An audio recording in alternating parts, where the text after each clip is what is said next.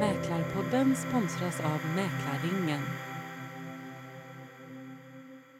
Här sitter vi i riksdagen igen och idag har vi bjudit in Mats Gren som är specialist på Moderaternas bostadspolitik. Varmt välkommen Mats! Tackar, tackar.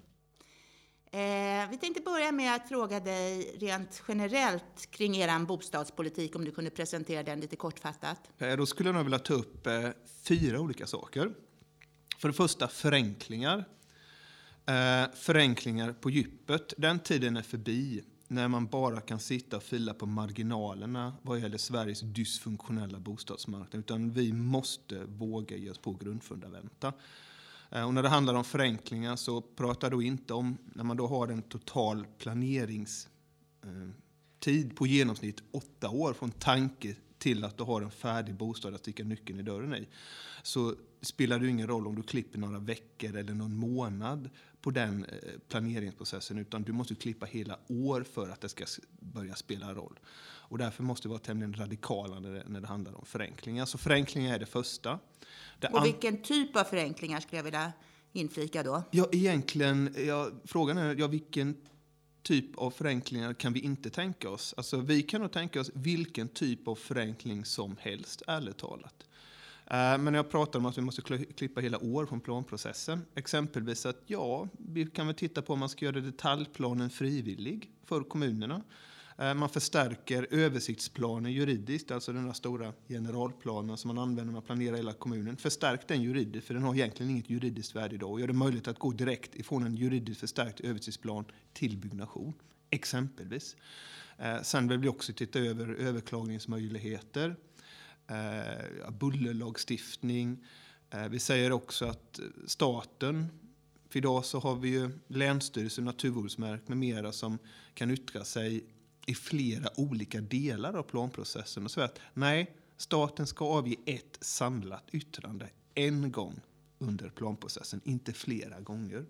Och likadant när det gäller överklagande, att du ska bara kunna överklaga en gång under planprocessen, inte flera gånger. Eh, så vi är nog egentligen öppna för alla former av förenklingar och ska jag vara kritisk mot regeringen, vilket jag har lätt eh, och det finns anledning att vara när det gäller just bostadspolitiken, så brukar jag säga att alltså, regeringen skulle kunna få vilken förenkling som helst genom riksdagen i eftermiddag om man bara hade lagt några sådana förslag och det har man inte gjort. Så jag vänder nog på den frågan att nej, vilka förenklingar är det vi inte kan tänka oss? Och jag har nog inte kommit på någon sådan än. Så radikala förenklingar för att det ska göra skillnad. Det andra jag skulle vilja säga det är en satsning på ägande. Att hela tiden stimulera ägande. Det har också varit extremt viktigt för mig och det är väl också en av mina stora ingångar i bostadspolitiken som jag tog med mig när jag blev bostadspolitisk talesperson för Moderaterna här i höstas. Eh, se till så att så många som möjligt har möjlighet att köpa och äga sin bostad. I synnerhet de som har små ekonomiska marginaler. Därför att det ägda boendet är alltid det långsiktigt billigaste boendet. Och för oss som ett parti som tror på social rörlighet och social mobilitet, det är klart att för 90 procent av svenskarna så är bostaden den enda förmögenheten. Det är väl klart att om man verkligen tror att bostaden ska bli liksom möjliggörare i människors liv, så är det klart att då måste man satsa på att ge så många som möjligt att, att köpa och äga sin bostad. Eh, sen så ska man också komma ihåg att en satsning på ägande är också en satsning på bostadsproduktion i form av småhusindustri med mera. Med mera. En småhusindustri som den del av landet jag representerar, Jönköpings län och Småland, är extremt stark. Jag har ju 90 procent av småhusindustrin ligger i mitt län, så det är klart jag har väl också uppenbara egenintressen i det. Men som sagt, en satsning på ägande och också en satsning på bostadsproduktion. Så det är det andra jag vill säga.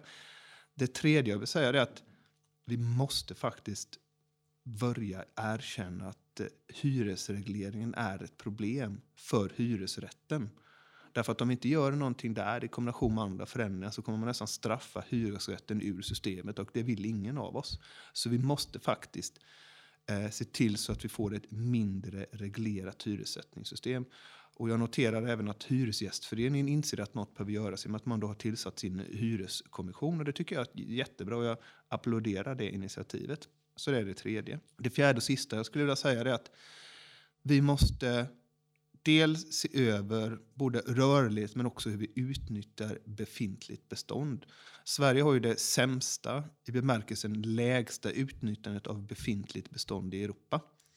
Så alla åtgärder som syftar till att göra det mer attraktivt och enklare att hyra ut bostad eller del av bostad kommer att ha stora och omedelbart positiva effekter på den svenska bostadsmarknaden. Ibland när man hör den allmänna diskussionen så skulle man kunna tro att ja, när vi an, underlättar andrahandsuthyrning så kan man tro att nej, men det är bara marginella effekter av det. Nej, det får jättestora effekter eftersom vi utnyttjar vårt befintliga bestånd så dåligt.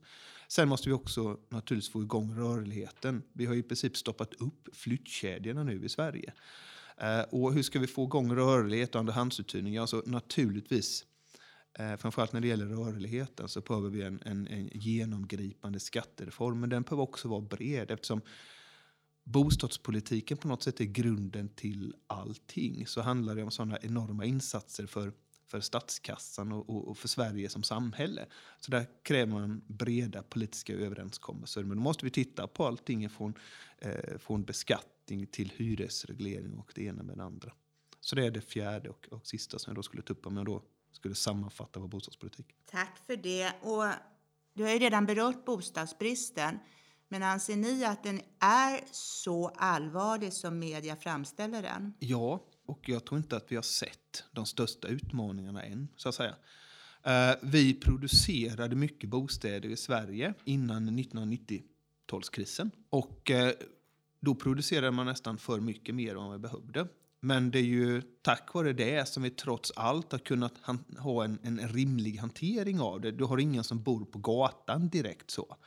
På grund av att det inte finns, eh, det, det, är ingen som inte har något tak över huvudet. Men det har man ju lyckats ändå hantera på grund av att man byggde väldigt mycket bostäder en period. Och, man, och därför har man då liksom även kunnat hantera den perioden när vi inte byggde några bostäder överhuvudtaget. Men det är klart, ett Sverige 2025 när vi kommer vara 11 miljoner invånare. Så det är klart att det kommer bli helt ohanterligt. Det är klart att vi behöver ordentligt mycket mer bostäder. Och då tror jag faktiskt inte att vi behöver mer, alltså vi behöver inte bygga bara för att så att säga rent statistiskt täcka vårt behov utan vi behöver faktiskt en ordentlig produktion för att marknaden inte så uppenbart ska väga över så säga, till hyresvärdarnas fördel exempelvis. Utan vi behöver eh, också ett antal år där marknaden eh, ganska kraftigt väger över till konsumenternas och de boendes fördel. För nu har du verkligen säljarens marknad och inte på något sätt konsumenternas marknad. Så jag vill påstå att vi har enorma utmaningar vad gäller bostadskrisen i Sverige och det påverkar alltså inte så att säga, bara boendet inom citationstecken utan det spiller över på alla samhällsområden. Det hämmar vår tillväxt. Mm. Och, och, det viktigaste kanske är hur det slår mot eh, enskilda medborgare. Alltså ungdomar som ska flytta hemifrån till jobb och studier. Människor som får en förändrad livssituation, skiljer sig, behöver få en bostad snabbt. Äldre som vill flytta. Det slår mot alla. Eh, förutom då att man ska, som du, ni har pratat om tidigare här, underlätta själva processen. Vad ser ni annars för konkreta åtgärder då för att stimulera bostadsbyggandet? Som jag sa innan, alltså jag tror att dels vi måste hantera allting. Bostadspolitiken är ju på något sätt så komplex så att man klarar ju inte i samhällsdebatten att diskutera det stora grundproblemet, det vill säga bristen på bostäder. Det är därför man ofta får diskussioner om ja, social housing eller amorteringskrav eller räntor, det vill säga enskilda frågor, för man klarar inte av att hantera helheten. Utan jag tror att vi måste, alla partier, slakta sina heliga kor. Därför att den svenska bostadskrisen har gått så långt och den har gått så djupt. Eh, så vi måste ha upp allt på bordet och ta ett helhetsgrepp på hela bostadspolitiken och bostadsmarknaden. Det måste vara slut på duttandet som både alliansregeringen och den nuvarande regeringen har gjort sig skyldig till. Så titta på allting. Och man, det finns ju heller ingen silver bullet eller universallösning som skulle kunna hantera allting. Utan har en mängd olika åtgärder. Och jag kan väl ärligt talat säga att jag har ett väldigt öppet mandat från min partiledning. Att återigen då ta upp allt på bordet. Så. Och vi sitter inte med en massa heliga kor och det hoppas jag inte att regeringen gör heller. Därför att anledningen till att de bostadspolitiska samtalen havererar det är för att regeringen fortfarande sitter kvar med alla sina heliga kor. Om jag ska bli lite politisk så blir det jätteproblem när vi har det så att dubbellåsigt i regeringen. Vi har en socialdemokrati som lägger in sitt veto mot alla former av strukturella förändringar på bostadsmarknaden. Och vi har ett miljöparti som lägger in sitt veto mot egentligen alla former av förenklingar. Och det är så att säga det sista Sverige behöver. Vi måste titta på allting. Ja, du pratar ju om de här enskilda punktinsatserna man gör och ett av dem var ju bland annat det här nya amorteringskravet. Och hur ser ni på det? Jag är ju djupt, djupt skeptisk till amorteringskravet. Jag är också djupt skeptisk och kritisk till Finansinspektionens bostadspolitiska ingångar som jag tycker lämnar allt övrigt att önska och dessutom står i strid med vartannat. Eh, men jag är väl kritisk mot amorteringskrav, för som jag sa innan, vi behöver stimulera och uppmuntra ägande i Sverige, i synnerhet för de med små ekonomiska inkomster. Eh, och amorteringskrav hade ju sin roll för några år sedan. Men det senaste amorteringskravet försvårar ju en redan svår situation.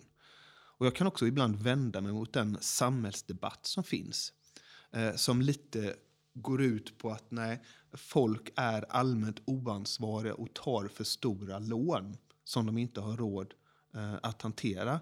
Bara, nej, men alltså, det är ju för att människor är tvungna att göra det därför att eh, de får ingen bostad annars. Så det är återigen den dysfunktionella bostadsmarknaden som är skulden till det. Inte att människor är allmänt slösaktiga eller oansvariga utan de måste ju för att de får inte tag på en bostad annars. Och det tycker jag är egendomligt frånvarande i debatten om amorteringskrav. Och då återigen, grundproblemet är att vi har för få bostäder i Sverige och att det byggs för lite. Var du även kritisk till det första amorteringskravet, eller ert parti? Eh, jag, jag kom in i riksdagen 2014 eh, och jag vet att det var mycket diskussioner då.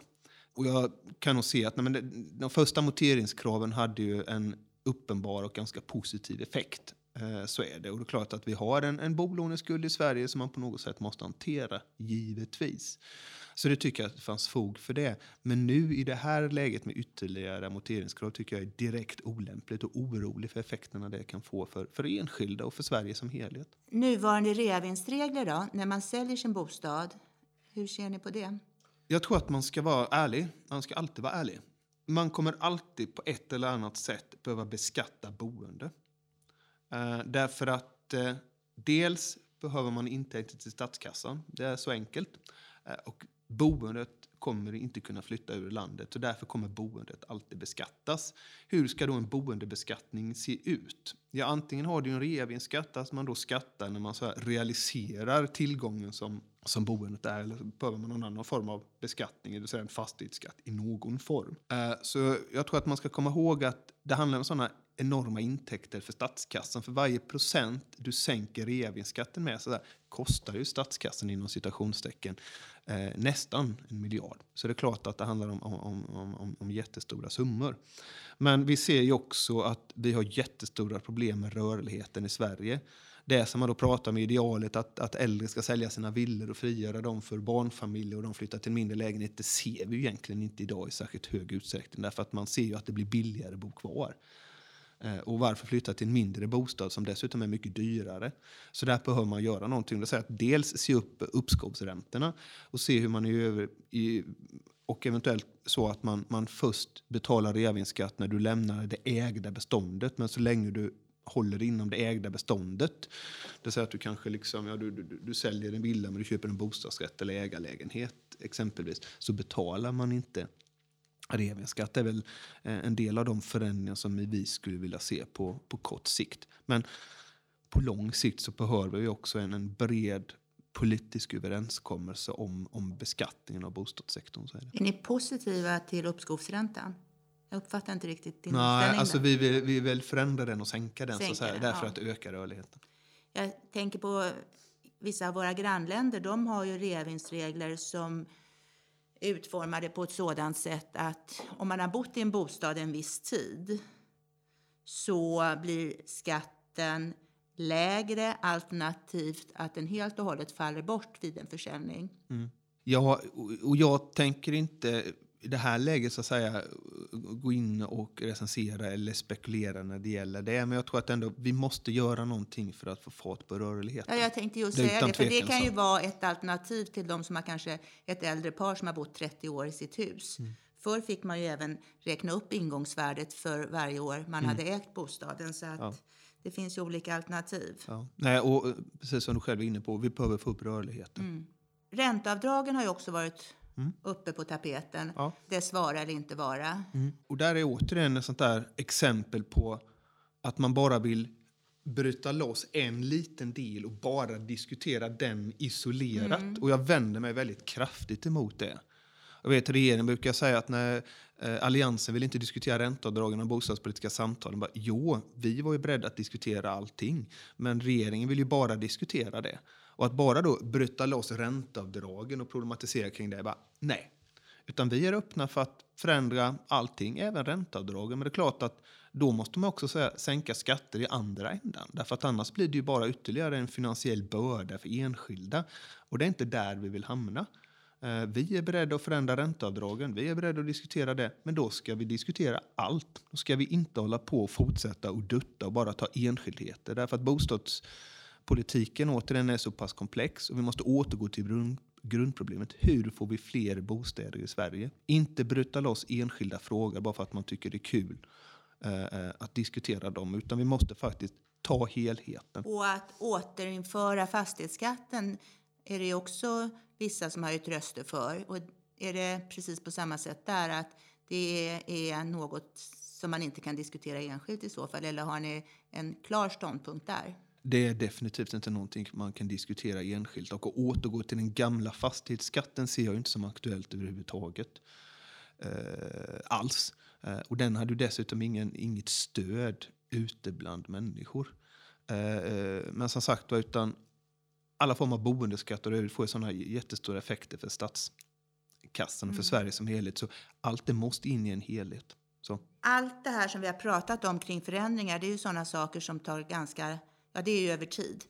Men som det ser ut just nu så är det ju mer eller mindre ett akut läge att marknaden står helt still. Ja. Snabba insatser som du har på din lista för att öka rörligheten. Nej, återigen, alltså, vi behöver ta det där helhetsgreppet.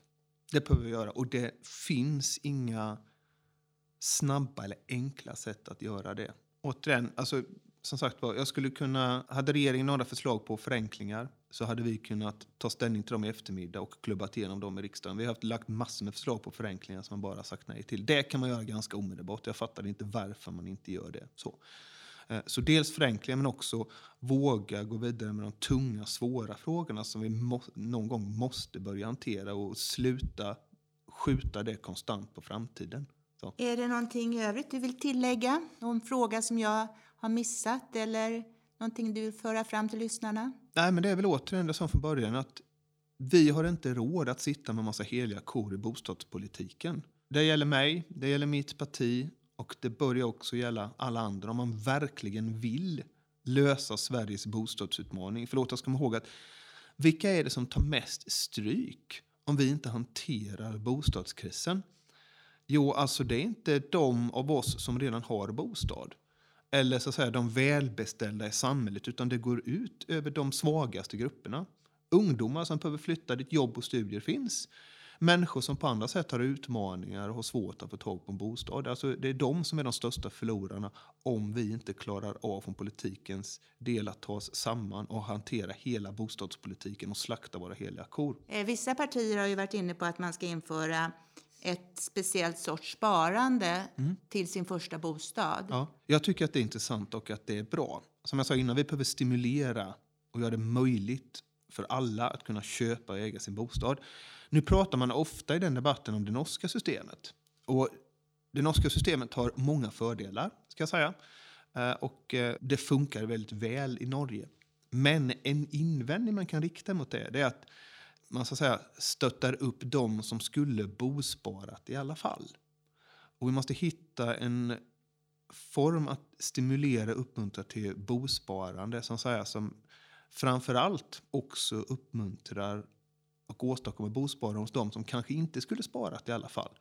Och det är klart att det kommer vi återkomma till. Men som sagt jag köper väl inte den norska modellen rakt av. Utan vi behöver, vi behöver ett bredare sätt att hantera sparande för att se till så att vi stimulerar och möjliggör sparande även hos dem så att säga, med, med små ekonomiska inkomster. Mm. Ja, bostäder det är ju någonting som påverkar oss alla och alla är berörda. Och min sista fråga då till dig Mats, hur bor du själv? Jag bor i en hyresrätt. Ja, ja, i, i, i centrala Gränna. I Gränna? Alltså, men jag är född och uppvuxen, eh, har bott två tredjedelar av mitt liv i ett utanförskapsområde som heter Oxnaga i Huskvarna. Född och uppvuxen i en väldigt röd familj. Jag brukar säga det. Född i Tålegatan och uppfostrad av två bolsjeviker. Så har det väl inte riktigt varit. Men, men jag är liksom, och det har präglat mig väldigt mycket. När jag ser mitt, mitt eget gamla område så att säga. Eh, och, eh, min mamma jobbar på Riksbyggen och har nästan alltid gjort och min far har arbetat på eh, tekniska kontoret i Jönköpings kommun och också då arbetat med bostads och lantmäterifrågor. Så jag är liksom mm. uppvuxen med bostäder. bostäder och bostadspolitik kanske i högre utsträckning än många andra. Men det har präglat mig väldigt mycket också. Då tackar vi för detta. Tack så mycket. Tack.